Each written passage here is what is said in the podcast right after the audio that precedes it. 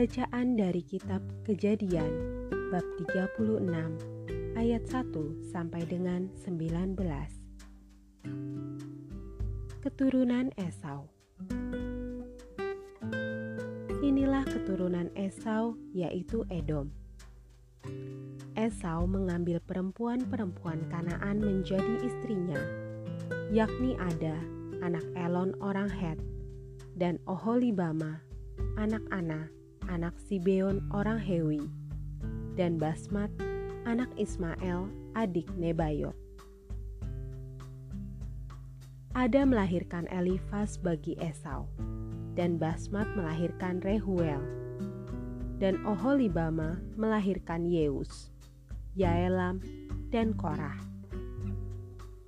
Itulah anak-anak Esau yang lahir baginya di tanah Kanaan. Esau membawa istri-istrinya, anak-anaknya lelaki dan perempuan, dan semua orang yang ada di rumahnya, ternaknya, segala hewannya, dan segala harta bendanya yang telah diperolehnya di tanah Kanaan. Lalu pergilah ia ke negeri lain, dan ia meninggalkan Yakub, adiknya itu.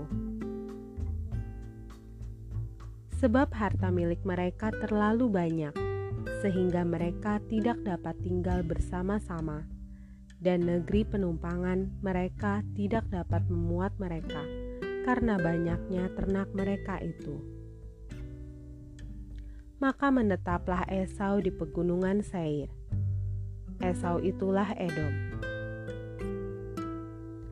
Inilah keturunan Esau, bapa orang Edom di pegunungan Seir. Nama anak-anaknya ialah Elifas, anak Ada, istri Esau. Rehuel, anak Basmat, istri Esau. Anak-anak Elifas ialah Teman, Omar, Zevo, Gaetam, dan Kenas. Timna adalah gundik Elifas anak Esau. Ia melahirkan Amalek bagi Elifas. Itulah cucu-cucu Ada istri Esau. Inilah anak-anak Rehuel, Nahat, Zerah, Syama dan Misa. Itulah cucu-cucu Basmat istri Esau. Inilah anak-anak Oholibama, istri Esau itu. Anak Ana, anak Zibeon ia melahirkan bagi Esau, Yeus, Yaelam, dan Korah. Inilah kepala-kepala kaum Bani Esau. Keturunan Elifas anak sulung Esau, ialah kepala kaum Teman, kepala kaum Omar, kepala kaum Zevo, kepala kaum Kenas, kepala kaum Korah, kepala kaum Gaetam, dan kepala kaum Amalek Itulah kepala-kepala kaum Elifas di tanah Edom. Itulah keturunan Ada. Inilah keturunan Rehuel anak Esau. Kepala kaum Nahat.